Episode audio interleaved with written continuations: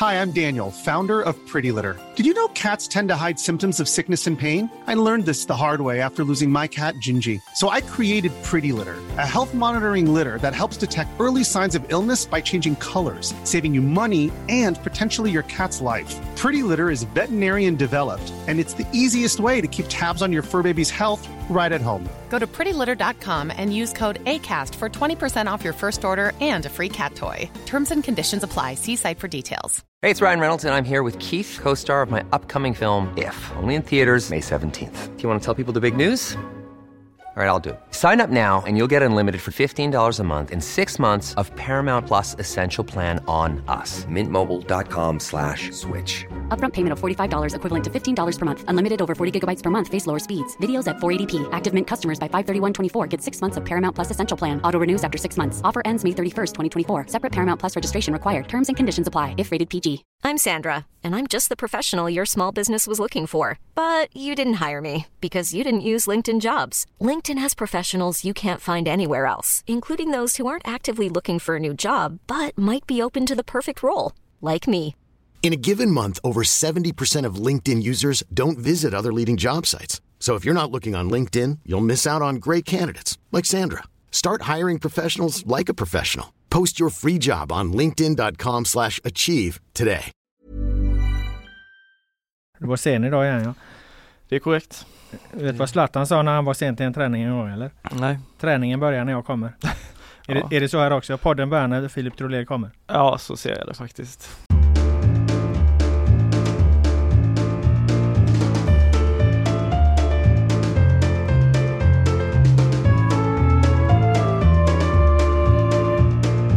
Hej välkomna till GPs fotbollspodd Laul med vänner som fokuserar på fotboll i allmänhet och fotbollen i väst i synnerhet. Idag har jag två fotbollsvänner med mig i studion. Filip Troler och Joel Bessling. Igen! Samma styrka som senast alltså. Det känns tryggt för vi ska nämligen ta oss an de tidiga krislagen i Allsvenskan. Vi ska titta på Gais succé i Superettan, Häckens skadebekymmer, Elfsborgs monsterklack och mycket, mycket mer. Men först, våren är ju i antagande och hur vet man det? Jo, du ser rubriker om återbud till hockey-VM överallt. Ge mig ett tydligare vårtecken, Filip Troler. Den, den är svår att trumfa faktiskt. Det har man från att du var hur liten som helst så växte du upp med, med alla de här nej tacken som kom från NHL-spelarna och när jag var liten och brydde mig väldigt mycket om hockey-VM då blev man alltid väldigt ledsen när de stora stjärnorna sa nej, nu bryr jag mig inte särskilt mycket. Det som möjligen skulle trumfa det är att du har bytt till, till sommardäck eh, kanske. Som jag hört att du skulle göra, vilket blev problem för poddinspelningens tidpunkt och datum. Eh, ja, det är gjort. Det skedde under gårdagen då. Vad var det? Tisdag eller? Ja, tisdag. Eh, sommardäcken är på. Det känns mycket bra. Rullade mycket lättare hem. Det är så skönt när man slipper det här eh, dönandet som det blir med, med dubbdäcken. Så ja, det var gött. Mm. Joel Wesseling, du rullade med dina sommardäck till eh, Varberg för att se Elfsborg eh, mot Varberg där på Påskbergsballen. Jag vill ha ett betyg på pressfika till att börja med. Eh, det var eh, kexchoklad och eh, gifflar. Så eh, det får ju, kan ju inte få mer än två fyra. Va? Nej. Det är väl ändå gött. Det är fina grejer. Gifflar, Ja, kexchoklad. Ja, gifflar har jag svårt för, torra. Svårt så- för gifflar. Utveckla. Ja, kan men- du ha svårt för gifflar. Hur goda som helst. Filip, hjälp Ja, ja, ja, ja, ja, vad är detta? Nej, jag, jag tycker de är för torra. För torr. Eh, ja, kexchoklad gillar jag däremot. Det är också Eh, jävligt gott. och kaffet var helt okej och sådär men eh, nej det kan inte få mer än två. Vad Fasen om du gav Elfsborg en trea eller vad så kan du ju absolut inte få mer än två. Vi rullar på med våra ordinarie ämnen då, som jag eh, nämnde lite inledningsvis där. Och det är ju onekligen en intressant tabell i allsvenskan redan efter två omgångar. Eh, AIK sist, IFK Göteborg näst sist och IF Elfsborg fjärde sist om jag minns rätt. Brommapojkarna är väl med däremellan någonstans också. Och frågan är eh, om detta är begynnande kriser eller tillfälligheter eller så här. Vem mår sämst? Är det Gnaget, Blåvitt eller Elfsborg? Joel? Ja det är definitivt inte Elfsborg. Eh, det tycker jag väl kanske, ja visst de har inte gjort mål än men eh, det finns ju ändå någonting där eh, i, i spelet och så så nu har de ett väldigt lätt schema framför sig. Sen är det ju lite hugget som stucket mellan eh, Blåvitt och eh, AIK. Eh, Blåvitt har ju sina problem liksom, men just den, det liksom, den stormen och det liksom trycket som är på AIKs ledning just nu gör att de mår nog sämst ändå. Mm. Hur ser din eh, topp tre-lista ut eh, över krislag, eh, Filip? Eh, jag tror att den ser exakt likadan ut, även om Eh, alltså det är lätt att Elfsborg, de kommer undan lite grann också. Alltså bara för att de är Elfsborg, att de är i skymundan då av de här ännu större drakarna lite kan. Sen är det ju klart att, eh, som Joel är inne på, de, de mår ju mycket bättre ändå vid, vid sidan av och allt runt omkring och organisatoriskt är saker och ting på plats. Så är det ju inte i, i de andra två. Och jag tror jag håller väl ändå också att AIK är högst, alltså just för att det är så många olika saker som det, det blåser runt där. Det är ju inte, det är inte bara, bara sportsligt, så är det väl i och för sig i Blåvitt också, men där handlar det mer om att frustrationen bottnar i att saker inte är på plats. Det är liksom inga eh, skumma affärer och, sånt runt det. Så eh, jag skulle säga att AIK mår sämst, Blåvitt mår, mår näst sämst. Jag tror Blåvitt är väldigt glada för att AIK mår mm. dåligt, för de kan hamna lite ändå i skymundan i det riksperspektivet i alla fall. Mm.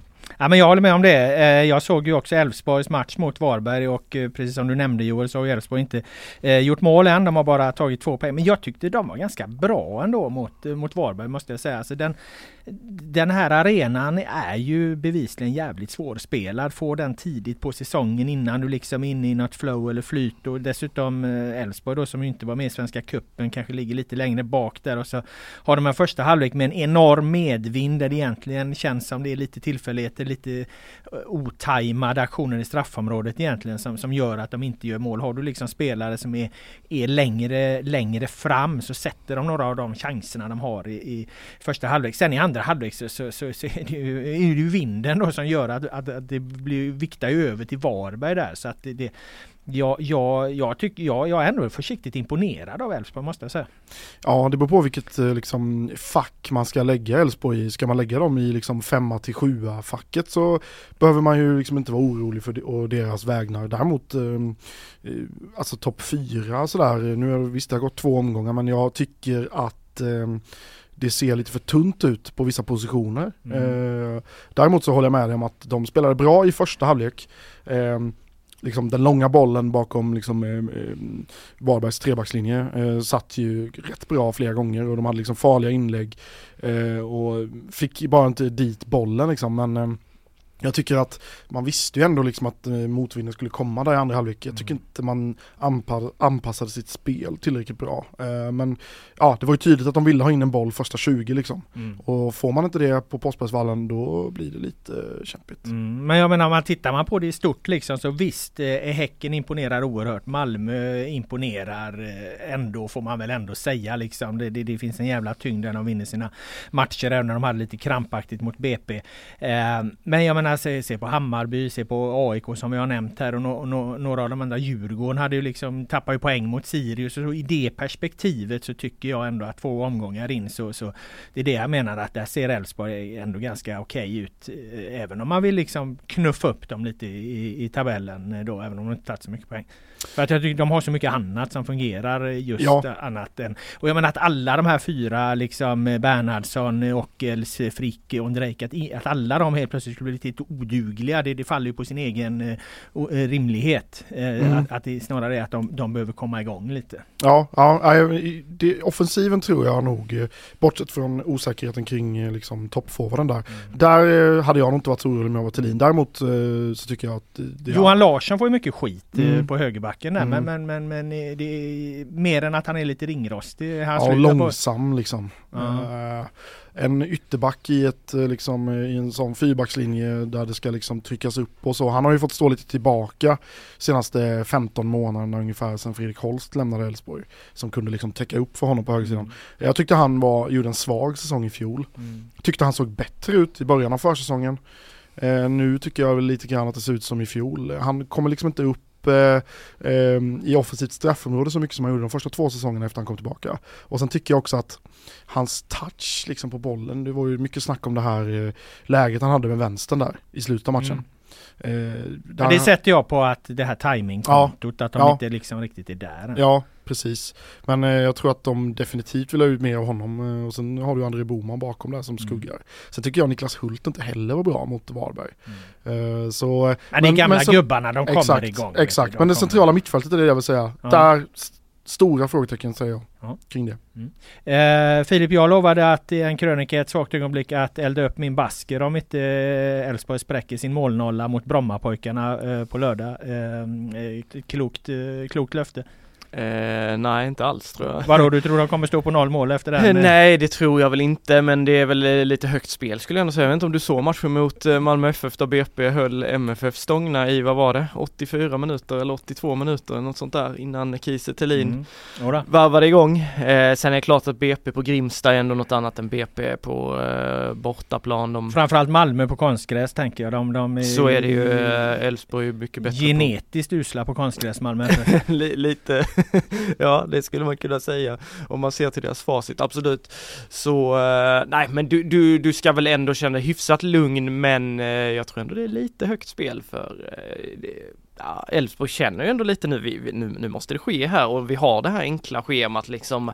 Nu måste poängen trilla in här för sen kommer det tuffare tider så eh, mm. Nej, det som kan hända är om de skulle få ett tidigt baklängesmål eller något Mm, sånt. va? ja, Och Det, precis. det, det är väl BP det liksom. Vad har de då för eh, moral i bygget liksom att, att resa sig? Ja precis. Olof Mellberg, eh, BP's tränare, har varit i, han var ju i Manchester här igår och kommenterade Champions League och sådär. Jag, eh, fascinerande. Men... Eh, Vadå, du tycker han ska hålla sig i, i Bromma och, Ja, och jag- leda sitt lag? Ja, jag har aldrig varit med om tidigare att en, liksom, en aktiv tränare i allsvenskan har varit expertkommentator parallellt. Det, är- däremot spelare har ju varit Mm. mycket, Sebastian Larsson och Mikael Lustig och så vidare.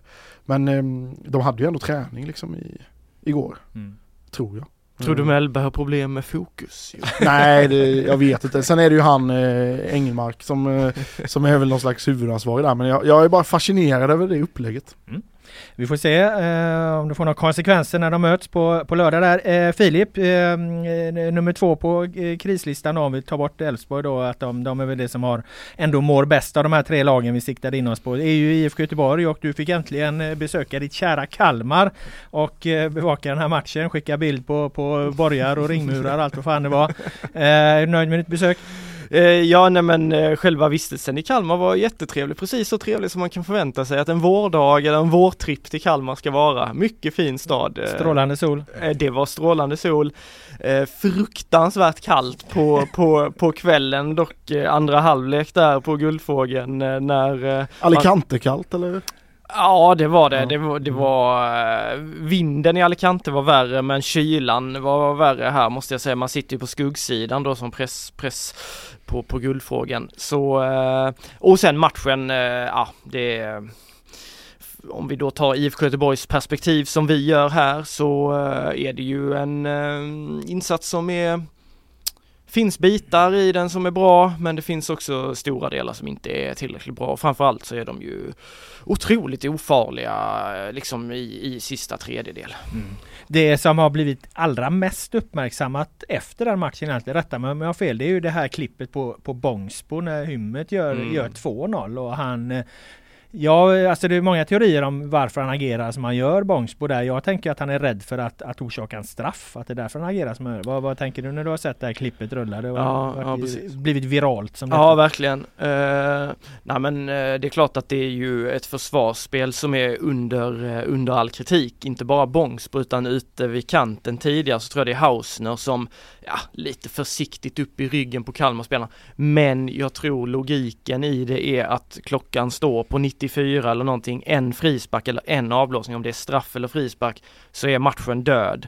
Blåvitts enda hopp där är nästan att Hymmet ska få komma till ett avslut, att Benediktsson ska rädda det, kunna skicka upp den snabbt. Jag tror att, sen, sen är det klart att det ser ju väldigt illa ut, han ser ut som en kona liksom och och han har ju haft problem hela försäsongen egentligen med duell och närkampsspelet. Jag lyfte ändå fram det i min fem punkter där som något jag tycker att Blåvitt ändå visade mot Kalmar. Det är ändå lite, alltså så här jävla anamma och Sebastian Olsson och ett par till går verkligen så här.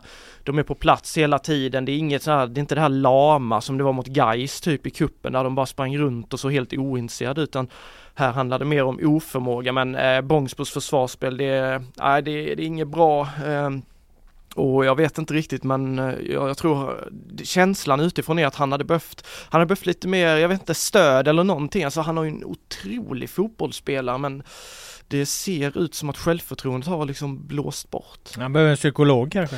Ja, eller ja, det ska man väl inte sitta så här, men idrott, alltså det är klart att idrott handlar ju otroligt mycket om eh, det mentala liksom. Det är jättemånga spelare som använder sig av, av, av någon, någon att prata med eller mental rådgivare eller liknande. Så jag vet inte om han arbetar med det eller inte, men, men eh, någon, eh, jag känner att eh, det är möjligt att han får jättemycket hjälp redan, men känslan utifrån är att eh, shit, han behöver, han behöver ha någon att hålla i handen här och det känns inte riktigt som, det är mer som att eh, väldigt stort ansvar har landat på honom efter att Kalle Johansson försvann istället och att han kanske inte riktigt klarat av att omfamna det. Mm. Om man säger så här då, eh, eh, premiärmatchen mot Värnamo var en ganska jämn fotbollsmatch mm. som kunde gått åt vilket håll som helst. Kanske mest rättvist hade varit oavgjort. Ja. Eh, avgjordes på en tillfällighet i slutet det, det, det är vad man kan säga om det är jämn fotbollsmatch. Hur var Blåvitt-Kalmar ur det perspektivet? Är Kalmar ett tydligt bättre fotbollslag just nu än Blåvitt eller vad skulle du säga? Eh, alltså om något lag ska vinna den matchen så tycker jag det är Kalmar för Blåvitt är inte tillräckligt skarpa som jag tror knappt att de har ett avslut på mål. Däremot så tycker jag ändå att spelmässigt så är det en, en jämn fotbollsmatch. Jag hade inte tyckt det var orättvist heller om det blir ett kryss i den matchen. Blåvitt är ändå med här på ett bra sätt. De har chans på att, på att få in ett 1-1 mål fram till 93, 94 minuten. Eh, sen är det ju klart att deras forcering då i andra halvlek, den är ju inte tillräckligt bra utan det är ju Kalmar som har de, alla de vassaste chanserna i andra halvlek. När Blåvitt trycker upp så kontrar de och är nära flera gånger och gör, gör 2-0. Så jag kan inte jag kan inte säga att Blåvitt liksom förtjänade mer kanske, men någonstans så hade det ändå inte varit helt missvisande med ett kryss heller, så det blev en lite halvgardering eh, eh, där så, men eh, jag tycker fortfarande att de här två matcherna i allsvenskan, det är liksom inga katastrofala prestationer. Mm. Eh, I samma veva, eller eh, dagarna efter där, efterspelet till den här matchen, då, då dök ju där eh, uppgiften om, om Kim Hellberg, Värnamos tränare, att IFK Göteborg har varit eh, på honom. Vad säger du där eh, Joel? Hellberg har gjort det bra i Värnamo. Nu visade det sig då, för det har ju bekräftats också, att IFK verkligen har ställt en formell förfrågan kring Hellberg. Nej, när, när man nåddes av det så tänkte jag väl mer på liksom att då är man uppenbarligen villig att göra en total riktningsförändring igen, precis som man gjorde när man tog in eh, Poya Asbaghi eh, för eh, ja, sex år sedan. Um, och då, det hade ju ställt kravet på Kim Hellberg att uh, liksom någon form av Rydström-revolution i, uh, i Blåvitt. Jag menar Rydström tog över ett liksom, Nanne Bergstrand-lag uh, som liksom kastade långa inkast och gjorde dem till ett kortpassningsspelande tiki-taka-lag liksom och, och Hellberg är ju mer den stilen liksom än vad Stare var. Um, så spelarmaterialet hade ju inte riktigt passat till honom. Nej, så, han är, eller den typen av tränare liksom. Nej, alltså han är ju en jävligt lovande tränare på alla sätt. Men det är ju lite som, som Joel säger här Filip. Alltså, det, alltså när man såg hur Värnamo spelar mot IFK, de är ju extrema i sin speluppbyggnad. Alltså de försöker verkligen till varje pris eh, rulla från e e eget, egen backlinje. Mm. Sen kunde de i och för sig variera det där liksom, men deras inställning är ju väsensskild mot hur, hur Blåvitt, det skulle verkligen vara en, en jätteförändring. Det hade verkligen varit en jätteförändring, men min uppfattning av Kim Hellberg är ändå att han är lite som de gör i andra halvlek, att han är inte riktigt så, en, alltså trä, så envis, utan han är ändå, han är snarare klok där tycker jag. Jag tycker många tränare som kör den här mm. mer tydlig possession-drivet, att det ska in i absurdum liksom. Du får aldrig slå en långboll, du får aldrig skicka, aldrig förändra. Men i hans fall så tycker jag ändå det finns lite av det här hybriden då mm. och mot Blåvitt så tycker jag den smartnessen och den taktiska förändringen är det som gör att de kanske till slut ändå vinner matchen även om det är på ett slumpmål. Mm. Eh, jag tror, eh, jag tror Kim Hellberg hade varit en otroligt eh, bra tränare för IFK Göteborg. Jag ser att många tycker, ja men ska vi satsa på någon oprövad igen, vi behöver någon som kommer in och ställer krav och alla, alla. Men men behöver de inte en mer erfaren Ja. person i det här läget då när de ändå är lite Det- utsatta om det kanske blir bottenstrid och grejer? Jo, det, det, den, det, där finns ju absolut en poäng. Men rent tränarfilosofiskt och hur, vad jag hör om Kim Hellberg, hur han är som person och sådär, så är det ju ingen som bara eh, liksom snackar process eller går runt och daltar eller sådär, utan han har både och. Eh, men jag var ju och tittade på en träning med IFK Värnamo eh, när jag var där och besökte Aydin Selkovic och Emin Grostanic. Och jag blev ruskigt imponerad av eh, alltså intensiteten och hur jäkla pushande han var. Jag har aldrig hört en tränare som i varenda detalj så var han liksom så här Bra där Emin, jättefin löpning Engvall, du kommer helt, alltså han var så pushande och de spelarna verkade älska honom. Det var otroligt mycket fokus på att få spel, få allting i rullning och Blåvitt, det är ju en hackande maskin verkligen. Jag, jag tror han hade kunnat för, för det ska man inte heller glömma, verkar det som att IFK Göteborg har roligt när de spelar fotboll nu? Nej, det verkar det inte som. Nej och framförallt så tycker jag sen jag flyttade hem till Göteborg igen och det kanske har varit så innan också så, så, så känns det jävligt dystert Ja, det- runt det- föreningen ja, uppe på. Kamratgården Ja, alltså det- också. ja, alltså, det, är det- så tungt och Det är ofta... allvarsamt och på Precis. något sätt liksom och, och stängt så på det sättet. Så. Och min bild av honom är att han är verkligen sån som, lite som Fredrik Holmberg i, i Gais, alltså verkligen, han kan lyfta en hel, nu har jag inte sån koll på honom, men det här blev bara min uppfattning av och när jag pratat med, för jag har ju många killar i, Göte, i Värnamo med Göteborgs koppling, som säger att de där sa, han, han får liksom med sig, en tränare kan ju få med sig en hel klubb genom att vara på ett visst sätt. Eh, så för Blåvitts del tycker jag faktiskt att det är väldigt synd att det inte blir något, för jag tror han hade kunnat göra det bra, även om spelarmaterialet kanske inte är helt hundra anpassat för honom här och nu, men det hade man ju kunnat successivt skruva på. Mm. Vi hade ju uppe honom när vi eh, direkt efter Stade fick kicken så hade vi ju ett antal namn och då, då, Mm. då nämnde vi ju Hellberg där redan då. Eh, tror du det är helt kört eller? Jag menar nu har sportchefen i Värnamo sagt nej men Hellberg själv har ju inte sagt nej och jag menar det är ju inte med spel, det är ju inte med tränare som det är med spelare för där är det ju licensen du handlar så där kan ju en klubb säga nej. Men vill en tränare flytta till en annan klubb så, så, så kan de i princip göra det utan att de ens måste få pengar av, av, av Blåvitt för det. Men så finns det ju gentlemen's agreement så som gör att man ändå betalar eh, summor för det för att eh, ja, men det tillhör liksom god sed eller vad man ska säga. Så att jag menar det går ju, det, vill Hellberg så kan han gå. Det, det finns ingen licens som stoppar honom, det finns inget formellt som stoppar honom. Vill han till IFK Göteborg kan han träna IFK Göteborg imorgon. Ja det är så alltså, det, Ja, ja, det är är det. utan Ja, ja. Ja, ja. min Ja, ja. kunskap faktiskt. Ja. Om de inte, om de inte i Värnamo i kontraktet där har skrivit in någon form av vite liksom att om Ja. du bryter där så får du betala 77 miljoner liksom. Men, men det, det, så brukar det inte vara. Ja, ja. Nej men, eh, ja, man vet ju inte vad hans inställning skulle vara till det hela. Min bild är väl också att han kanske nu är det första året om han ska, om man ska säga att han står på egna ben i IFK Värnamo. Han verkade väldigt dedikerad till den här gruppen och de har ju fått ihop ett otroligt spännande lag. Han har det i ena vågskålen och så har han ett IFK Göteborg som är i, i, i total kris i, i den andra där man egentligen inte vet så himla mycket om okej vad, vad är deras röda tråd, vad, vad, vad, vad, vad är deras identitet nu efter att Stare försvann, vad är det de vill ha ut av mig? Och man har också sett Poja, Rolle, alltså man har sett tränare försvinna på löpande band. Så jag tror nog att även om Kim Hellberg säkerligen hade tyckt att det kittlade otroligt mycket att uh, vara IFK Göteborgs tränare så tror jag ändå jag är lite tveksam till att han skulle hoppa på det just i den här situationen. Ja det är en jävla katapultstol Joel att sätta sig på för att jag menar du är älskad när du kommer sen efter ett halvår så är fansen förbannade och efter ett år så blir du sparkad av mild. Ja, ja, ja Lite så- hårdraget. Lite så har det ju varit eh, senaste åren. Eh, jag funderar också på eh, om det nu är kört med Hellberg. Eh, om han, eh, ja men det har ju ändå liksom sportchefen i Värnamo har ju ändå bekräftat att de har sagt nej och sådär och ja han kanske vill, vill fullfölja det. Då ska det bli så sjukt intressant att se vem de tar in istället. Om de liksom går på det här spåret då. Yngre, Mm, mm. mer liksom progressiv tränare. Eh, tänk om det blir liksom en äldre auktoritär herre liksom eh, då. Det kan ju liksom inte det. Bonka-fotboll. Då- Ja, men det ska bli så intressant att se om de håller den tråden som Mm. de nu då kanske har bestämt sig för. Men det kan ju också vara så att verkligheten för, förändrar eh, besluten. Om de nu, nu, vi ska prata om det strax här, men om nu möter de Malmö FF här, förlust där också. Djurgården har de borta. Mm, Alltså det, det kan, de, de, det- det- då kanske det, de är tvungna att gå mer på ett erfaret namn som kan hantera liksom en, en, en jävligt besvärlig situation. Ja, det, är ju, det, är ju, det, är ju, det är ju svårt att göra liksom en rikt, Det blir verkligen en riktningsförändring under galgen annars. Ja. Jag tycker inte det är en alltså, bra timing att liksom göra en riktningsförändring mitt under säsong. Alltså det ska man ju göra på vintern. Mm, mm, eh, absolut.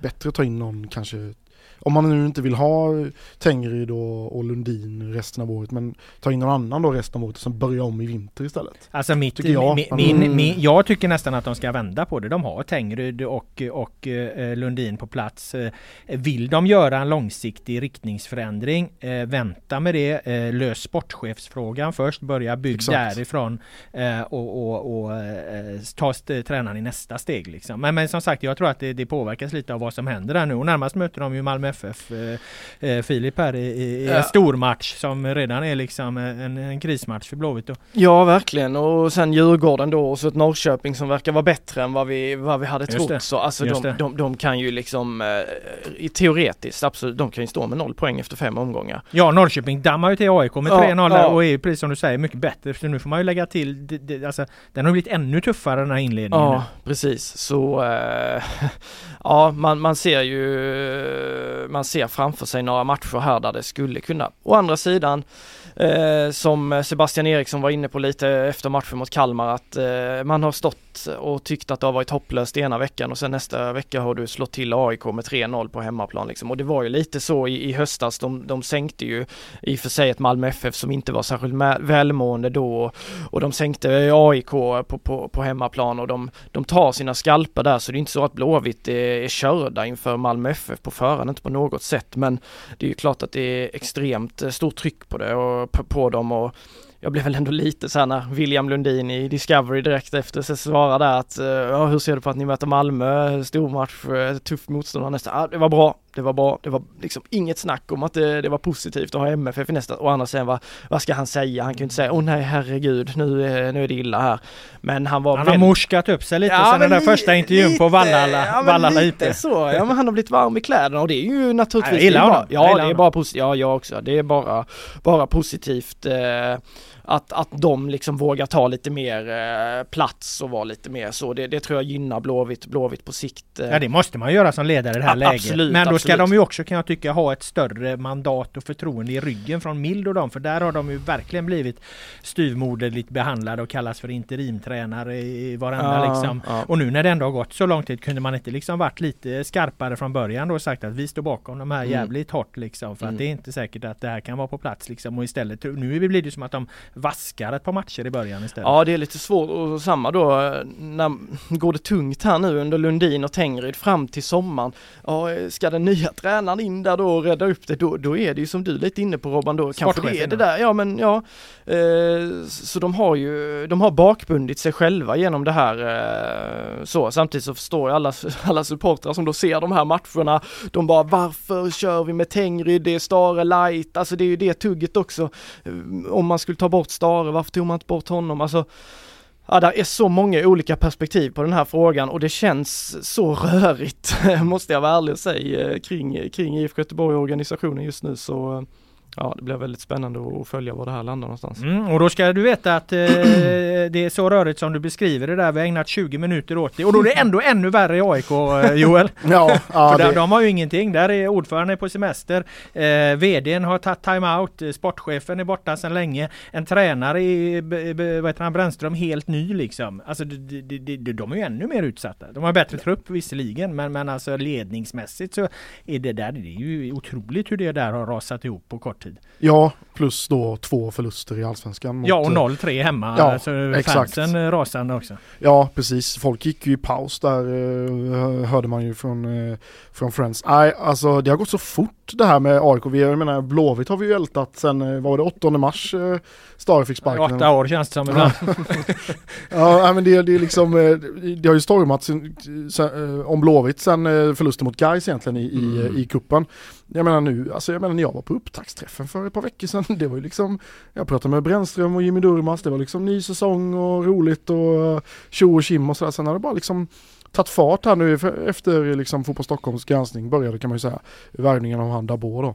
Um, och det uppenbarligen har det ju smittat av sig på planen också. Alltså det är ju inget snack om det. Jag menar det, man kan prata hur mycket som helst om att, att uh, eh, AIK saknar liksom djupledslöpare och kar karaktärsspelare som det har pratats mycket om.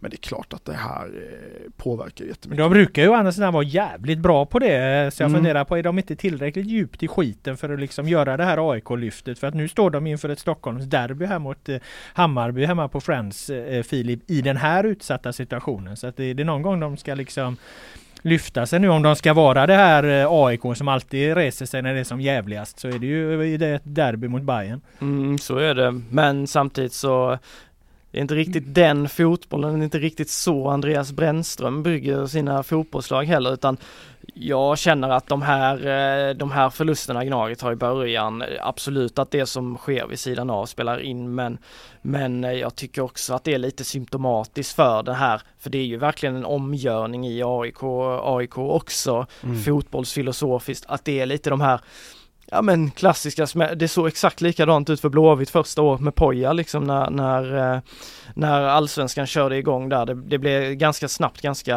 tufft liksom. Eh, jag tror att man måste ha otroligt mycket tålamod med när man ska göra den stora förändringen som, som görs i de här klubbarna och det är återigen fotbollsfilosofiskt så är det ett helt annat AIK än, än, än vad det var förra året. Eh, Men det är klart att allt runt omkring gör ju inte det enklare och det är redan svårt som det är att, att ha tålamod i den typen av klubbar. Ja och, och ja, ska du, ha- då måste du ha starka ledare. Ja, det är det, och det- just och det, det- det handlar det- om. Och jag menar den ene är på semester och den andra har tagit timeout och den eh, tredje är tillfällig och den fjärde är sparkad och den Mm. femte är ny liksom. Vad, vad fan har du då? Nej men alltså att göra en, en riktningsförändring fotbollsfilosofiskt i en klubb när du inte har en sportchef. Eh, du har en tränare som inte har mandat att eh, ta in spelare, Mm. som inte bestämmer vilka som kommer in. Jag menar, du har en, du har en, en vd som går ner som sportchef som liksom saknar den typen av kompetens. Ja, men liksom. kan någonting om fotboll. Nej liksom. men precis, han är ju en annan typ av, han, har ju, alltså, han är väl perfekt säkert som en VD för en liksom, fot, stor fotbollsförening. Men jag menar en riktningsförändring eh, fotbollsfilosofiskt en tränare inte får vara med och bestämma vilk, vad spelarmaterialet blir. Jag förstår inte det. Jag förstår inte. Det, och det är väl också en förklaring till att det ser ut som det gör Exakt. just nu för AIK.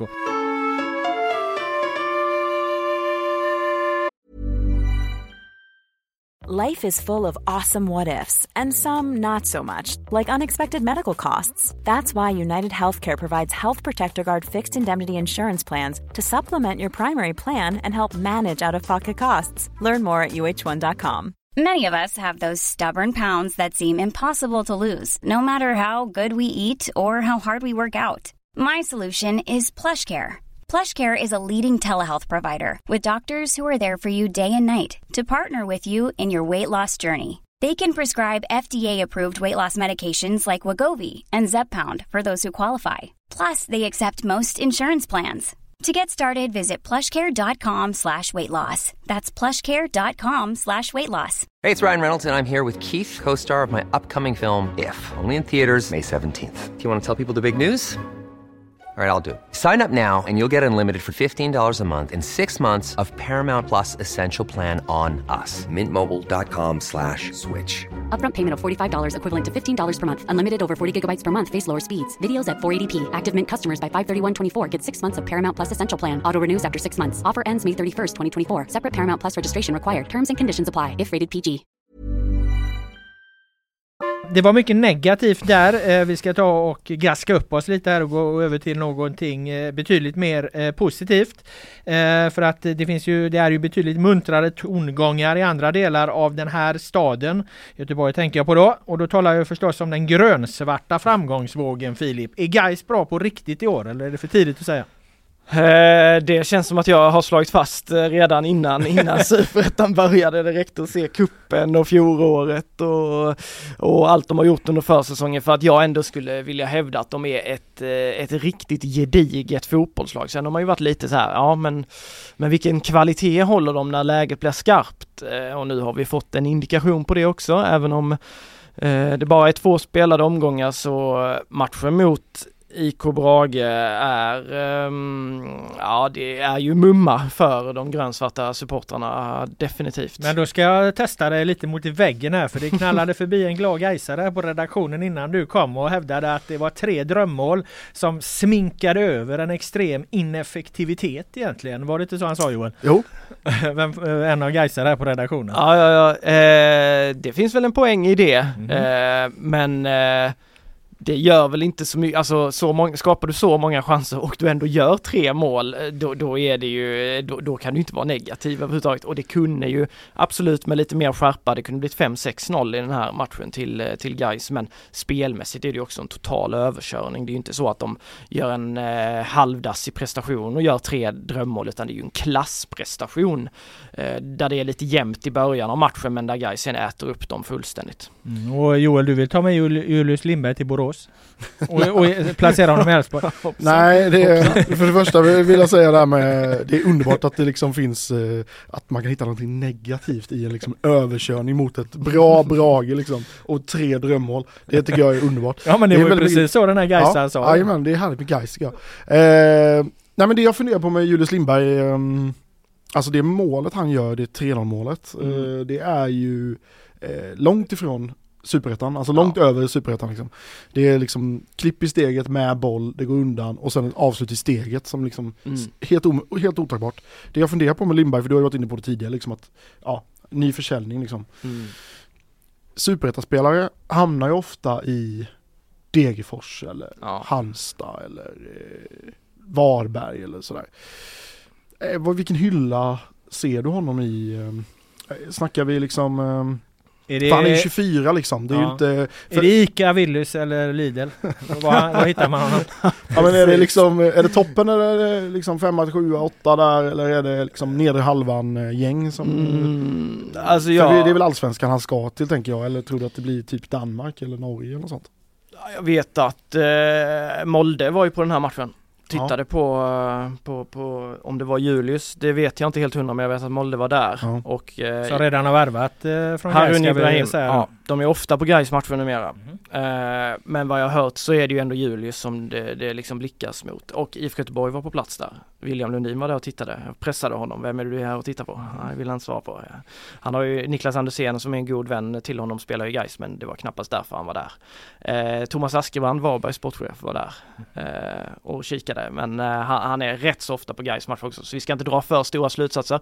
Men det vi kan konstatera var att alla var otroligt jävla imponerade av Julius Lindbergs eh, match och det målet han gör, alltså för mig det, det är ju internationellt. Ja, ja. Alltså, ser du hur många gånger han rör bollen på vägen och ändå håller han den mm. farten. Han bara springer iväg från Bragespelarna. Mm. Och det är ju ja, det är ett klass, en klassaktion liksom rakt igenom och han gjorde alltså 10, 20, 30 olika sådana här som man verkligen hajade till. Alltså kom igen. Eh, ja men de 10 sekunderna är ju någonstans bilden av en överkvalificerad spelare. Ja precis. Sen är han som du säger, han är 24. Mm. Det som med Julius har varit, vad man hör från Gaiskretsar och sådär är ju att han han kommer upp i höga toppar och sen har han lite svårt att hålla sig där och att man får jobba mycket med honom, alltså hans självförtroende sådär, att de har fått, fått slita mycket där. Men nu känns det väl någonstans som att han ändå har knäckt den där koden på något sätt. Och då kan ju inte jag tycka att Alltså Julius Lindberg, han ska inte, han ska inte hamna i Halmstad eller Nej. Varberg. Han är tillräckligt bra som jag ser det. Eh, när han får tid att akklimatisera sig för absoluta toppen strax under, att vara en spelare där. Jag sa ju Elfsborg. Ja, det, alltså Elfsborg tror jag är, ja. alltså ja. det tror jag hade passat honom ja. väldigt, eh, Verkligen. väldigt, väldigt ja, du bra. svänger nu Besseling. No, nej, han säger absoluta toppen och du säger Elfsborg. Jag tycker inte att Elfsborg tillhör absoluta toppen. Nej men, det är strax, strax, strax under, men liksom. alltså typ ja. så, Bayern också. Nu, jag håller inte dem så riktigt högt i år, Hammarby. Men jag tror han hade kunnat gå in på ja. deras mittfält eh, eller vara en, en, offensiv spelare i deras trupp som hade kunnat göra skillnad i vissa matcher. Absolut, mm. alltså så bra tycker jag han är. Sen, eh, han har ett utgående kontrakt så Gais är nog lite stressade där. Mm, då får de inga pengar då. Nej, det, risken är ju det. Men eh, de kommer ju naturligtvis göra allt de kan för att för, förlänga hans, hans kontrakt. Eh, och eh, Ja, jag är inte helt säker på att han skulle dra. Jag tror inte han drar bara för att det kommer ett allsvenskt bud i sommar. Att han då, ja, jag vill till det. Jag, jag, tror, jag tror han kommer liksom sikta väldigt högt. Annars tror jag han kör med guys för men om Molde är där och då, då vet vi vilka pengar det rullar absolut, i Norge va? Då, då, det kan nog locka kan jag tänka ja, mig. Då det... sviker han ju ingen på det sättet. Nej, heller, liksom. nej, nej precis. Så, eh, men eh, nu ska vi ha med oss att det är inte så lång tid han har presterat, nej. alltså eh, en jämn nivå det har han egentligen inte gjort eh, under sina år i Gais. Det har varit sekvenser av säsongen men det har aldrig varit en hel säsong. Skulle han nu bara mata på här fram till sommaren, alltså då kommer klubbarna kommer stå i, i kö där. Mm. Så hade Sköldmark kunnat fixa fram ett nytt kontrakt, förlänga det Eh, då är det en dunderförsäljning tror jag, för jag tror att det skulle kunna bli sånt jävla race om, om honom. Ja. Där ser man hur jävla viktigt det är liksom att, att identifiera var potentialen finns och se till så du har ett, ett längre kontrakt liksom. Hur ja. avgörande det är i klubbbygget liksom. Ja. Sen är det ju svårt. Jag säger inte att det är lätt, men det, det är så otroligt avgörande att, att ha långa kontrakt på rätt spelare. Ja, det är så. så alltså det här, vi snackar ju för fan eh, kanske tio, skillnad på 10 miljoner där liksom. Ja, eh, ja, inte i den åldern. Nej, kanske inte. Han är ju ändå 24 som sagt, men vi snackar, jag tror att man skulle kunna pressa upp det till 5 miljoner om han skulle suttit på ett långt kontrakt och det hade varit fler allsvenska, någon från Norge. Jag tror man hade kunnat få upp det där. För men han är ju fan Molde skulle kunna betala 10 miljoner ja, för en sån kille om han hade haft tre års För han är ju, han är ju lite unik där, för han är en offensiv, han är en offensiv spelare. De går alltid för högre summor och nu har han dessutom klivit ner och visat att han är ännu bättre på centralt mittfält, den här åtta-rollen, en dynamisk spelare som kan bara slå ut lagdelar där med både sitt driv och med sina snabba liksom finter och passningsspel. Alltså han sitter ju på ett väldigt, eh, ett register som jag tror tilltalar otroligt många men ja det är svårt, eh, Gais förlängde hans kontrakt för, ja vad blir det, fyra? Inte ja. tillräckligt långt. Nej, inte det, nej det, det, men han skrev ju ett treårskontrakt med dem då. Han kom till klubben, sen förlängde de med ett treårskontrakt. Eh, och nu så är det då utgående. De har ju samma, det är ju samma problematik med Jocke Åberg som också varit fantastisk den här säsongen, men som har haft väldigt mycket skadeproblem då. Eh, och då valde de att ge han ett ettårskontrakt i efterhand så kan man ju tycka att vad fan gör ni? Men det var inte så lätt där för han har liksom inte heller bevisat sig riktigt fullt ut i Gais då mycket på grund av skador. Men nu är båda två lysande och eh, återigen, jag tror den frågan står extremt högt upp på Magnus Sköldmarks agenda. Mm, ännu högre står kanske då eh, deras kommande match här som ju är en rätt het historia får man ju säga för det är ju Gais mot Utsikten. Äh, ett Utsikten som ju återigen chockar fotbollssverige som de brukar göra om vårarna. Det är ju nästan ett lika tydligt vårtecken som återbuden till hockey-VM vid det här laget. Att Bosko går bra på våren. eller hur ska man analysera detta Filip?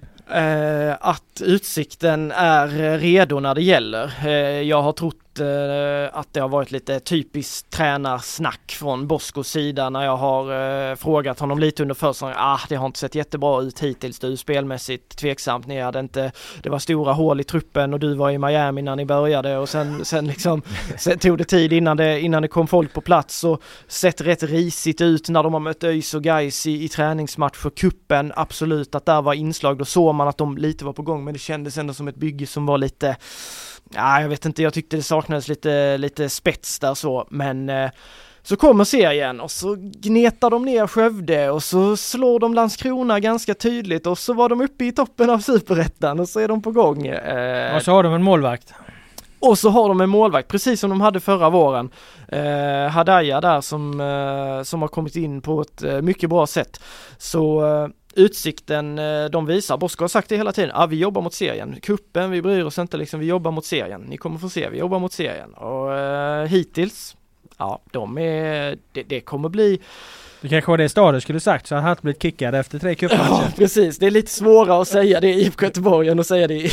Ja just det, kuppen mot Gais. vi skiter i ja, vi, vi, fokuserar på serien liksom. Nej men det är klart att Utsikten ville vinna de matcherna också men de har haft liksom det perspektivet, tittat väldigt, väldigt tydligt ditåt och eh, de kommer bli, eh, det vågar jag nog ändå slå fast, att de kommer bli en obehaglig överraskning för många för de är de, är, de håller längre i år än Ja, jag tror, tror det. Alltså om det inte blir några så här tunga avbräck, skador eller att de blir av med målvakten i sommar igen eller någonting. Eh, då, då tror jag, utifrån vad man har sett nu så måste man ta dem på, på ännu lite större allvar för det där är, det är ett svårt, eh, svårt bygge att tas med. Mm, vilka vinner då? Guys eller Utsikten? Ja, jag, du är ju laddad för den här matchen jag, Filip, det behöver vi inte betona. Nej, nej, det är jag ju, jag är ju alltid, allt som har med Bosko att göra är jag laddad för och allt nästan som har med Guys är jag laddad för så, så, så eh, det är klart att jag, jag svävar runt här och är otroligt eh, laddad för detta eh, och Bosko just då ska han låta Guys ta dem tredje gången gilt här nu, de har ju mötts hur många gånger som helst, eller två gånger redan ju och eh, Guys då kan de sopa till Bosko när det gäller som mest så det är ju många härliga ingredienser. Eh, jag tror tror att det blir eh, kryss. Okej, okay, tog du ner allt. ja precis, tråkigt. Efter liksom har byggt, efter nej, har byggt upp ja. förväntningarna så både Joel och jag var på väg att lösa biljett liksom. ja, så bara, då bara dödade jag det. Det blir 0-0. Nej men det, det finns, historia. nej nej nej, 0-0 så inte. Det kan bli 3-3 det här och okay. Bosko är uppe på läktaren och springer runt och, och, nej, och Julius Lindberg har hattrick. Men nej, men jag tror att det blir en väldigt bra fotbollsmatch. Jag tycker det finns alla förutsättningar för att det ska bli en bra fotbollsmatch. Det är klart att Gais ändå är favoriter men jag tror, jag tror Utsikten kommer kunna ja, trycka, trycka till liksom och få med sig en, en pinne där. Vinner Utsikten så vill jag ha Bosko i studion nästa vecka. Att vi har han som gäst ja. här? Ja, ja, du får lösa det. Du får lösa det Filip. Det, det, tror jag nog han skulle kunna ställa tre upp Tre raka segrar. Bosko, tre raka Orovic i studion. Ja. Det, ja, det hade inte varit illa. Ja, snart i alla fall måste han hit. Ja, jo, men det, jag tror vinner de mot eh, Geist då ställer han nog upp på det. Joel Besseling, eh, kände du jordskalvet? Jag syftar ju då på eh, Elfsborg, eh, Varberg eller Varberg-Elfsborg. Det var ju en, en, alltså en liten jordbävning eh, på riktigt då i samband med den här fotbollsmatchen. Jag såg ju liksom nyhetstelegrammen kom in där någonstans eh, halv tre, kvart i tre så, så, så var det alltså en, ett, ett jordskalv som var uppe i 2,1 magnitud då på, på skalan där. Eh, det sammanföll ju då tidsmässigt med att eh, Elfsborgs monsterklack drog fram mot eh, Påskbergsvallens bortastå. Alltså en, en bortaklack som jag knappt har sett när det kommer till Elfsborg eh, tidigare. Så om det var det eller om det verkligen var ett, ett jordskalv då, det, det råder kanske delade meningar om det. Men du, du kände rörelsen i marken? Nej, jag, jag fick reda på det först typ tre timmar efter slutsignalen. Okay. Min pappa smsade. Kände du av skalvet? vilket skalv? eh, nej, det gjorde jag inte. du såg monsterklacken i alla fall? Det gjorde jag. De hade ju problem att, att komma in. Eh, de, eh, ja, det var ju med fyra minuter kvar till avspark så var det liksom en lång kö som ringlade ut i skogen där bakom eh, Påskbergsvallen. Eh, nej, jag, jag kan inte påminna mig heller om att ha sett ett sånt stort eh, bortafölje. Nu är det ju så att det är nära, eh, det är åtta mil och det är många boråsare som firar påsk i, i Varberg så, men eh, det var väldigt imponerande hur många de var, framförallt också i den kontexten att de var så många på i klacksektionen eh, mot Häcken i, i premiären. Det har hänt grejer där. Ja, det har det gjort för mm. att eh, som du är inne på så var det ju, de fyllde ju hela kortsidan i premiären på Borås Arena mot Häcken och sen så kommer de här med vad, vad hade vi? Ja, 800, det var 3000 totalt på Påskbergsvallen. Men det såg ju extremt eh, välfyllt ut ja. i alla fall. De fyllde ju varenda millimeter av den där borta läkten. Ja, plus att det var massa Älvsborgs halsdukar på eh, övriga arenan också. Det som, eh, jag, jag har slagits av det här redan sedan förra året, att eh, saker och ting liksom börjar hända kring liksom Elfsborgs mer aktiva supportrar, precis som det har gjort i en del andra liksom, städer av Älvsborg, eller Borås eh, storlek också. Och jag har liksom försökt prata med lite folk om det här och det, det är någonstans, eh, det finns olika teorier liksom att eh, liksom de som kanske gick gymnasiet under eh, pandemin och sådär eh, kanske hade liksom en jobbig tid och hittat ett sammanhang samtidigt som man har gjort en satsning på ungdomar. Att det, liksom, det var på, på årsmötet i fjol så var det liksom motion om att sänka priserna för, för ungdomar då, just för att hitta den här, för de i klacken har ju känt att fan, det är liksom 35 plus här liksom. Eh, men nu är det jättemycket tonåringar och unga 20-åringar och, och sådär. Så att det, det har verkligen hänt eh, saker. Mm. Köper du teorin eh, Filip? Jag tycker det låter som en eh, ganska rimlig teori faktiskt. Alltså ja, en generation som eh, någonstans blir lite kvävda på något sätt och som sen eh, söker och som identifierar att fotbollen är något eh, ja, men väldigt roligt och något som säkert många ungdomar också tycker är lite häftigt och alltså de här tifona och, och sådana grejer att kunna, kunna få vara en del av det. Eh, och det finns väl egentligen inget eh, bättre besked än det för, för svensk fotboll att eh, det ökar så mycket på ståplats för då vet vi om att det är en ung generation som nästa generation som, som brinner för fotbollen och som kommer liksom göra att eh, intresset bibehålls om det bara fortsätter på det här sättet. Eh, både bibehålls och kanske också ökar på sikt. Eh, eh så det det glädjer mig. Mm. Trenden är ju liknande i, i eh, Häcken bland annat. Det såg vi ju, de hade en ganska bra eh, bortafölje mot Elfsborg. Sen så var nog deras eh, klackläktare en av de mest välfyllda jag sett i deras match mot, mot Hammarby där. Eh, så där, där snackar vi om ungefär tusen då i, i klacken där. Och det, den är ju väldigt stor väldigt ofta. Den, när, varje gång Häcken spelar egentligen så är ju nu, även om de inte fyller Bravida varje gång, så, så, så är, är, är klacken på plats där. Ja, hur, är det, hur skulle du säga att det är i, i, i, i Gais, i, i ÖIS? I Blåvitt vet vi ju att de har under, under senare år har liksom vuxit där och mm. har bra publik. Ja, Blåvitt där och de kan vi bara slänga in att de var ju minst tusen man ja. i Kalmar och med tanke på de sportsliga resultaten de har haft och den tid de har haft under försäsongen är också otroligt imponerande och vi ser ju på deras hemmaplan också nedre ståplats. De har ju fått det är ju ofta vi ser att det är fullt där nu nästan och det så var det ju inte bara för ett par år sedan. Eh, när det gäller ÖIS och Gais eh, ÖIS har ju haft lite mer, de har fått lite mer runt, runt klacken. Även innan lite pandemin så, så växte det på lite men de har, de har fortsatt svårt att att, eh, ja, men att växa. Bravida när de var där i premiären, de har ju den lilla biten där där Häcken har sin klack och den var väl snudd på full ändå men det liksom växer inte vidare där vid sidan av utan det är en ganska begränsad skara ändå. Väldigt väldigt trogna, det gänget, kärnan där, de Västerås eh, de var på plats där och något som man kan lyfta med ÖIS-fansen är att eh, det är kanske inte de mäktigaste tifon alltid men jag har lyft det några gånger att de har typ någon form av tifo nästan varenda match och det tycker jag är ganska häftigt för det är ju ett jäkla projekt att fixa de här grejerna. Men just när det gäller antal så ser jag inte någon så jättetydlig ökning även om är det någonstans där de ändå ökar lite så är det ju på ståplats men det är inte på samma sätt som Häcken eller som Elfsborg. Ehm, men de har en god tifokultur ja, kan det, vi säga. Ja men det måste jag säga, alltså mm. just i mängd att de alltid gör något litet extra för, för att rama in matcherna och, och det, det tycker jag man kan credda. Det var ett jättefint tifo nu mot, eh, mot Västerås exempelvis borta.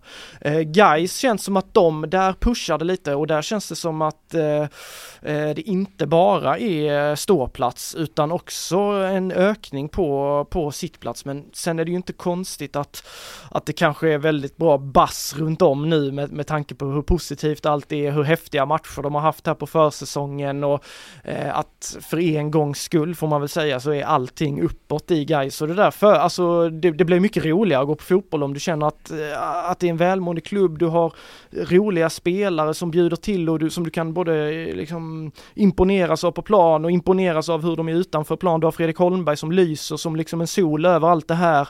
Eh, och de gör, de gör många saker bra just nu. Det där, det där föder ju också en, eh, en vilja att gå på guys eh, och sen nu på Bravida inramningen eh, som är på matchen mot Brage, den är ju helt fantastisk igen så eh, men det är väl positivt. ÖIS har lite kämpar, har inte riktigt den, men guys känns som de växer hela tiden. Men Elfsborg, Häcken, Sirius, Kalmar, där ser vi ju ståplats, publiken bara Exakt. sköljer in liksom. Mm. Eh, problem eh, finns det ju däremot då på damsidan. Jag var på eh, damlandskampen här, eh, Sverige-Norge. Innan det hade Fredrik Reinfeldt, vår nya eh, ordförande i Svenska Fotbollsförbundet, en informell pressträff. Eh, mycket av de frågorna då, för det var ju riksmedierna där också, det handlade om, om eh, varför eh, står liksom publiksiffrorna och stampar så oerhört på damsidan. Varför vi ser liksom en, en boom på herrsidan mer eller mindre liksom som vi berör här nu.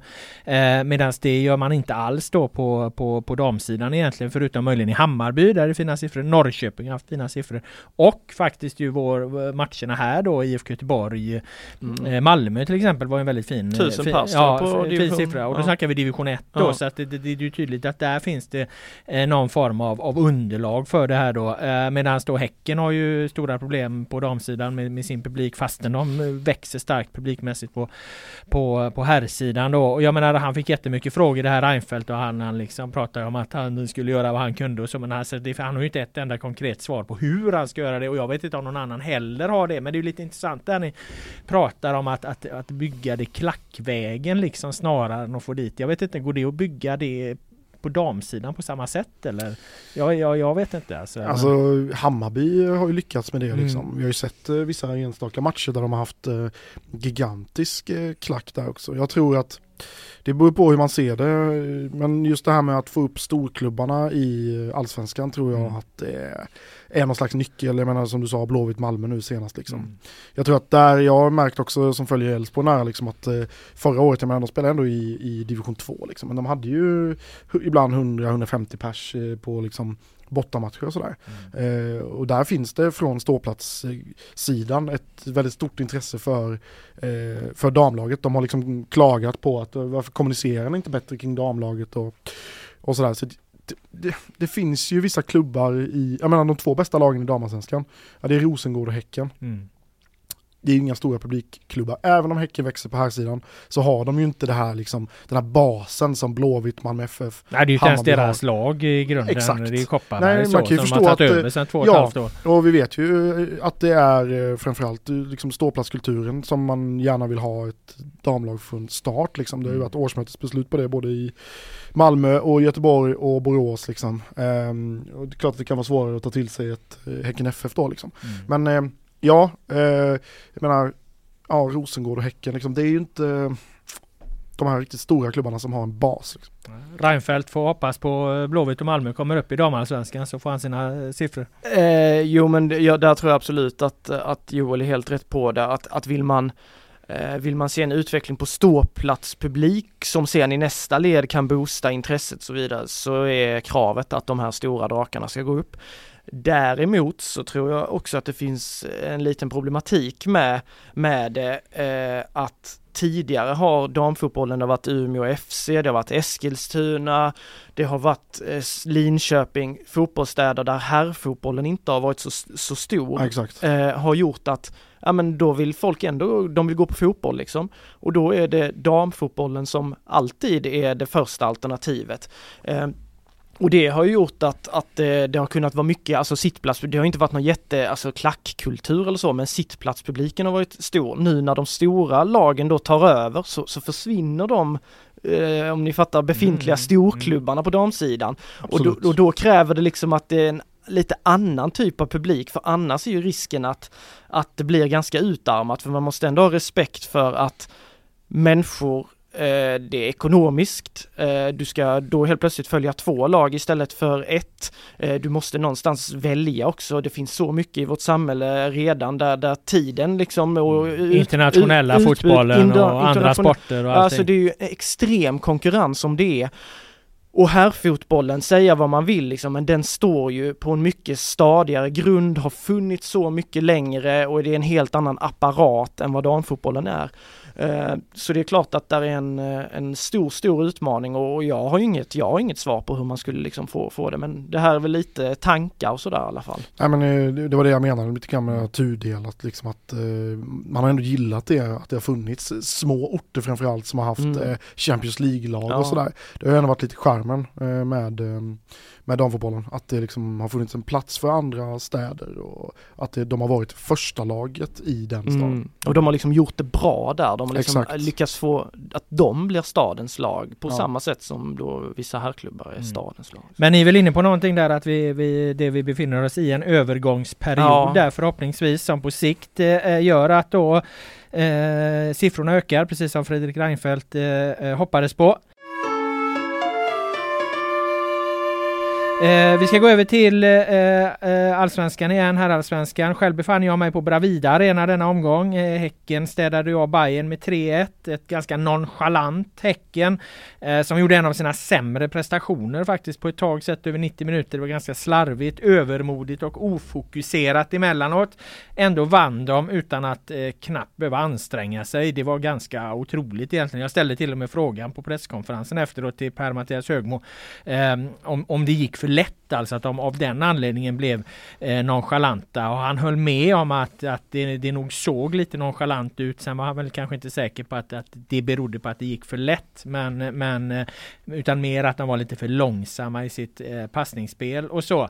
Eh, samtidigt åkte de ju på nya skador och de har en jäkla massa skador nu, tio stycken. Eh, precis innan vi gick in och spelade in den här podden kom ju beskedet att Ibrahim Sadiq bara borta eh, två, tre veckor med en baksida då, så han missar ju nästa match mot Kalmar. Eh, Johan Hammar eh, kan kanske vara med mot eh, Kalmar redan eh, på lördag, så att eh, det är väl egentligen, egentligen bara Sadiq då som måste eh, ersättas med en ny spelare. Det blir väl förmodligen Oskar Uddenäs som går in där. Jag tänkte bara en liten rolig grej kring allt det här. Eh, vilken, vilka, vilka, vilken spelare får absolut inte bli skadad i Häcken? För de verkar ju ändå klara, de har tio skador liksom. Eh, de verkar ändå klara rätt mycket skador. Men Filip, eh, vilken spelare skulle du säga får absolut inte bli skadad i Häcken? Mm, jag tycker självklart Samuel Gustafsson.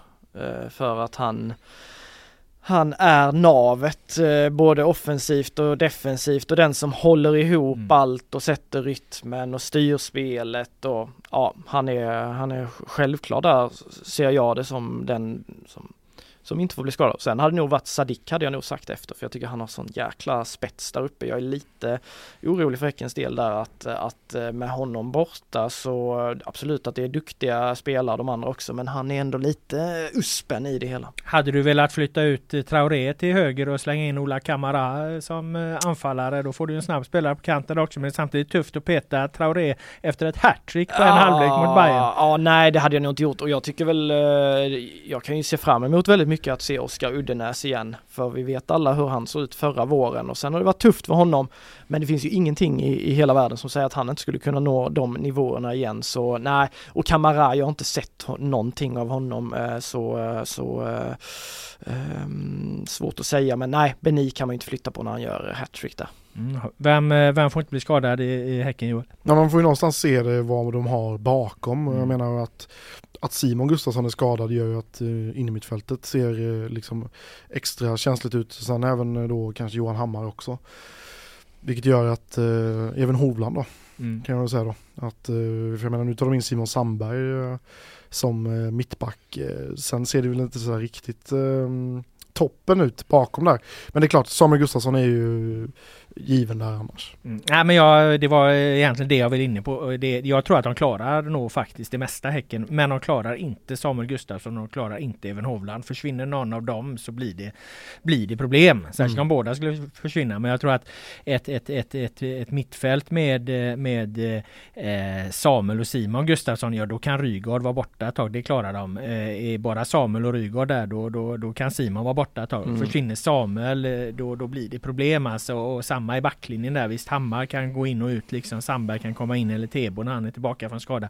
Men försvinner Hovland som ju spelade varenda jävla minut förutom typ en kvart eller något förra, förra säsongen. Han blir inte ens avstängd för, för, för skador. Så, så det får man ju tänka på. Han, han, han har ju verkligen varit en konstant i varenda jävla match egentligen för den här framgångsvågen som, som Häcken är inne på. Så jag tror att han är otroligt viktig för dem. Ja, det är väl helt rätt eh, inspel också. Att Hovland är naturligtvis eh, otroligt viktig. Men eh, ja, jag tänker väl ändå att om vi säger att Hammar och Simon Sandberg hade varit friska så tycker jag ändå att det är ett mittbackspar som inte är någon, mm. det är inte illa att ställa upp med det. Eh, även om Hovland är naturligtvis, han är ju en av seriens klart bästa försvarsspelare så det, det, är klart att det också hade varit ett avbräck. Men nu ville du ha en helst och då nej, är det Samuel jag, jag håller fast vid. Eh,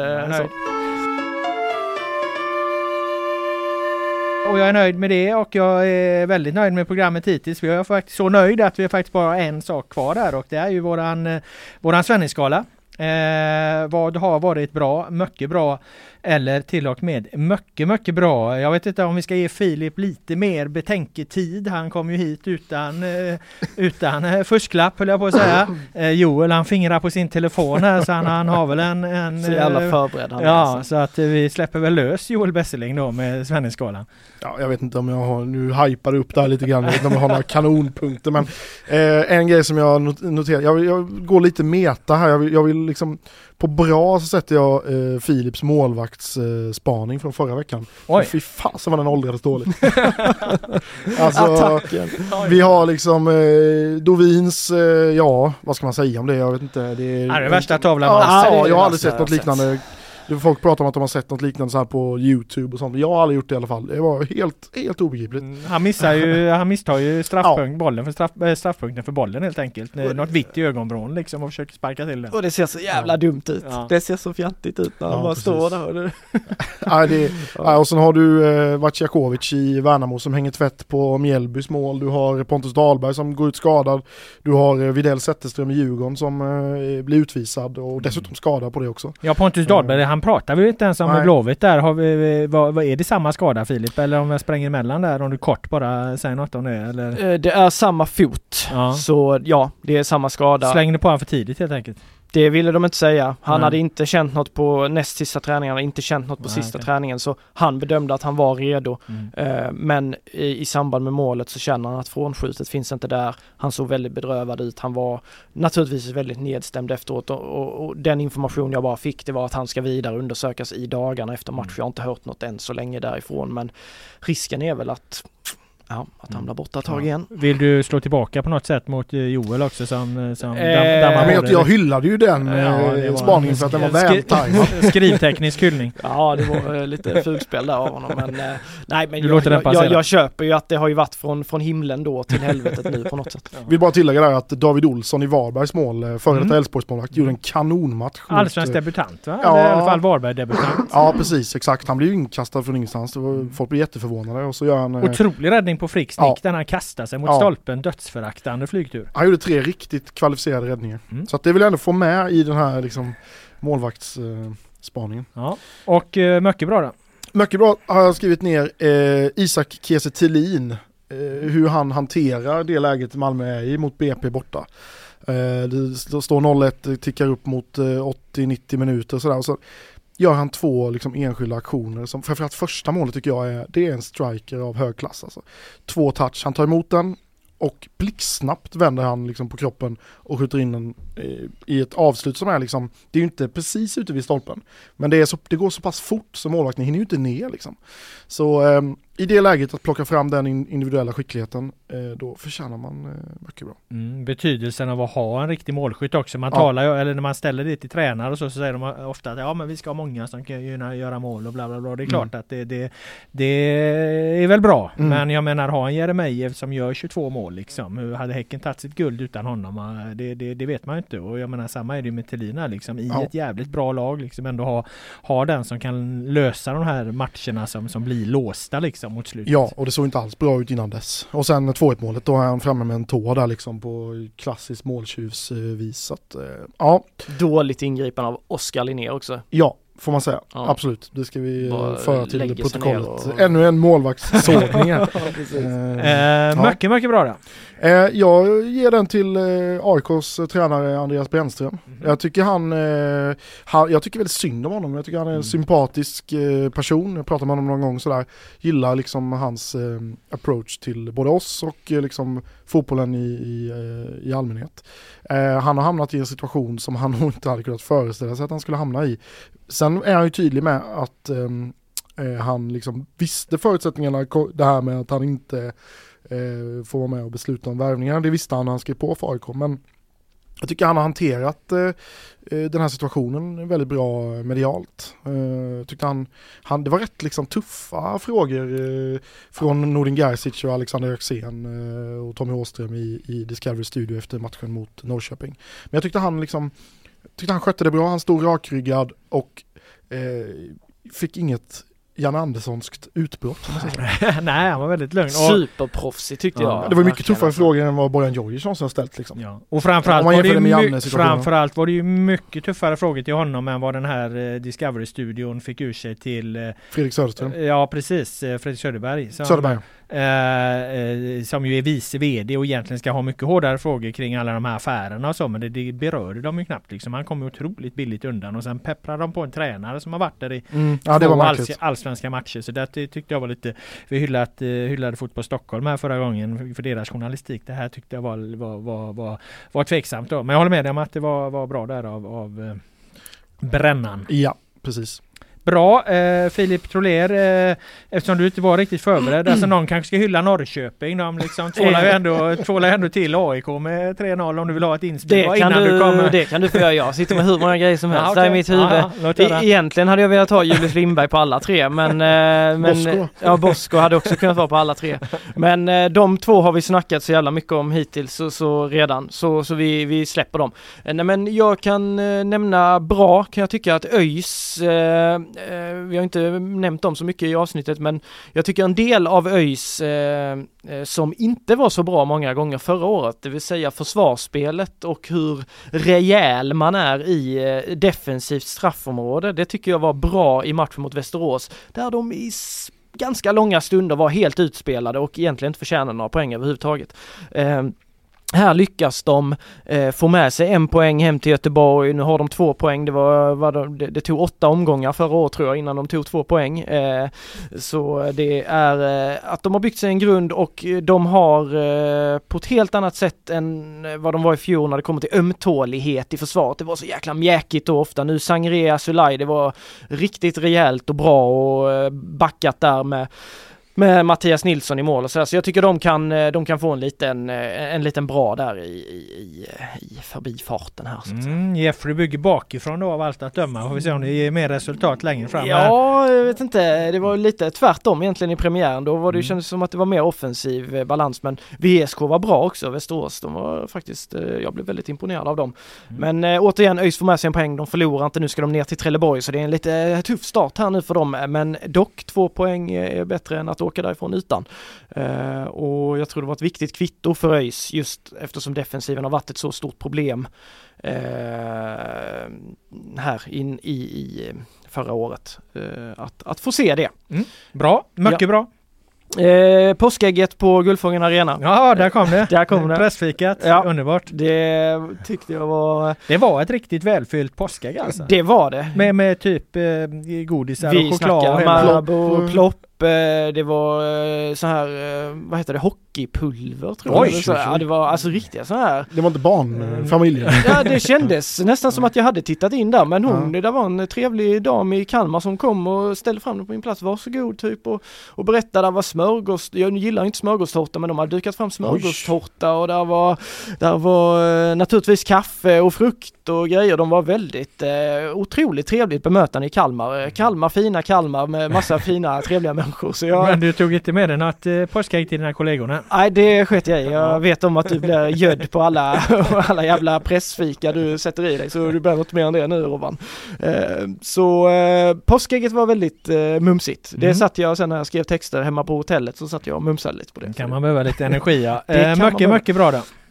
Eh, li- lite, lite oväntat kanske, men Sirius hade ett väldigt fint tifo som eh, jag blev imponerad av. Pelle Svanslös tifot. Pelle Svanslös som, man, eh, som jag i alla fall växte upp med som, som eh, ja, både bok och adventskalender och allt möjligt var väldigt förtjust, i det. Nej, Men jag, jag gillar den lokal, lokala kopplingen när man hittar lite sådana sköna, sköna liksom sam, vad man säger, kopplingar liksom mellan, mellan stad och lag och, och allting. Och jag tyckte också det var väldigt fint utfört. Jag, eh, ett tifo som var lite oväntat och som eh, man blev glad av att se. Så det tyckte jag var mycket, mycket bra utfört av Sirius-fansen som imponerar på mig. Ja, de är ju från Uppsala där då. eh, Kanske inte Ja, alla det ska vi- göteborgare vet. Men Nej, men det kan till vi-. Eh, bra, då har vi fått eh, Svennisskalan från Bill och Bull då. Då är det, då är det, bara, då är det bara min kvar. Eh, och jag ger bra till Matilda Winberg, Hammarby-talangen som jag ty- tycker gjorde en riktigt, riktigt fin startdebut i eh, svenska landslaget här eh, mot eh, Norge, 33-matchen på Gamla Ullevi. Det var en rätt svag insats överlag, framförallt defensivt. Men Matilda Winberg hon spelade eh, tia i Gerhardssons eh, ja, ganska flytande formation där. Eh, hon gjorde det bra. Eh, jag tycker det var mycket bra att Jennifer Falk ser ut att eh, eh få ta första eh, målvaktströjan i VM här i sommar eftersom hon stod ju nu i genrepet. Sen imponerar hon väl inte jättemycket, släppte som sagt in tre mål men jag tyckte, tycker faktiskt inte man kan lasta Falk för något av de målen eh, egentligen. Eh, och sen mycket, mycket bra. Det tycker jag är den här debatten om One Love-kaptenens eh, armbinden. Och det bygger jag på att här har ju nye eh, ordföranden Fredrik Reinfeldt, han har ju hamnat mitt i elden här liksom. Alltså, det är ju uppenbart att Fifa, eh, som består av vad är det, 211 medlemsnationer att, att beslutet som förmodligen kommer därifrån kommer vara att det bara får användas officiella armbindlar. Man vill inte ha in det här på samma sätt som man fick i Qatar och så vidare. Eh, och där måste ju någonstans Reinfeldt då företräda eh, svensk fotboll. Samtidigt har han har han då ett, ett, ett fotbollslag här med damspelare som brinner extremt starkt för den här frågan. Och Caroline Seger har ju varit inne på att, man, att de till och med ska ta gula kort Eh, Eh, för att kunna gå in med en annan armbindel och sen får någon annan vara lagkapten i, i nästa match och så. Och det är klart att det skulle bli komplicerat om Sverige officiellt ska gå ut och ställa sig bakom eh, eh en sån grej. Men där hamnar ju Fredrik Reinfeldt mitt i den liksom korselden mellan hur man ska hantera det här demokratiskt kontra då hur han ska kunna stå bakom eh, sina damlandslagsspelare med, eh, med full kraft. Då. Så att jag tycker det är otroligt intressant att se hur Reinfeldt då navigerar i, i den här frågan. Det här blir hans första riktiga test som ordförande. Rätta mig om jag har fel.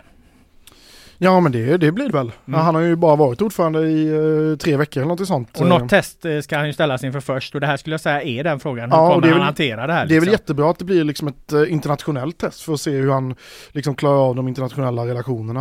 Jag menar han har ju varit liksom, av allt han har gjort så Fifa det är en organisation som han inte har varit nära Nej. tidigare. Det ska bli väldigt intressant att se hur han hur han hanterar det. Vad tyckte du om hans svar? Nej, jag ställde ju den och jag ska ställa den till Filip som avslutning också. Jag ställde ju den skarpa frågan till Reinfeldt på den här informella pressträffen. Men okej Fredrik, kan du ställa dig bakom eh, Seger här? Är det värt ett gult kort för att eh, stå upp för de mänskliga rättigheterna? Men den duckar han ju då Reinfeldt så att vi får vänta till Fifa kommer med ett officiellt svar här. Men vad tycker du? Är det värt ett gult kort att stå upp för mänskliga rättigheter? Uh, ja, det tycker mm. jag. Jag tycker inte det är något uh, snack om det. Alltså man kan tycka att det, ja, men det ska vara det, det sportsliga och man kan utsätta så här.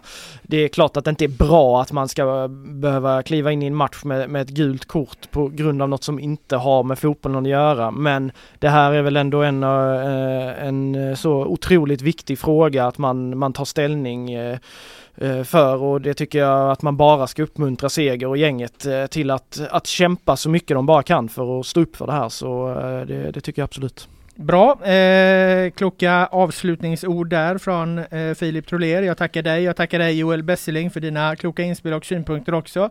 Eh, jag tackar alla som har lyssnat. GPs fotbollspodd Loud med vänner är tillbaka igen nästa vecka med ett nytt avsnitt. Ha det bra så länge!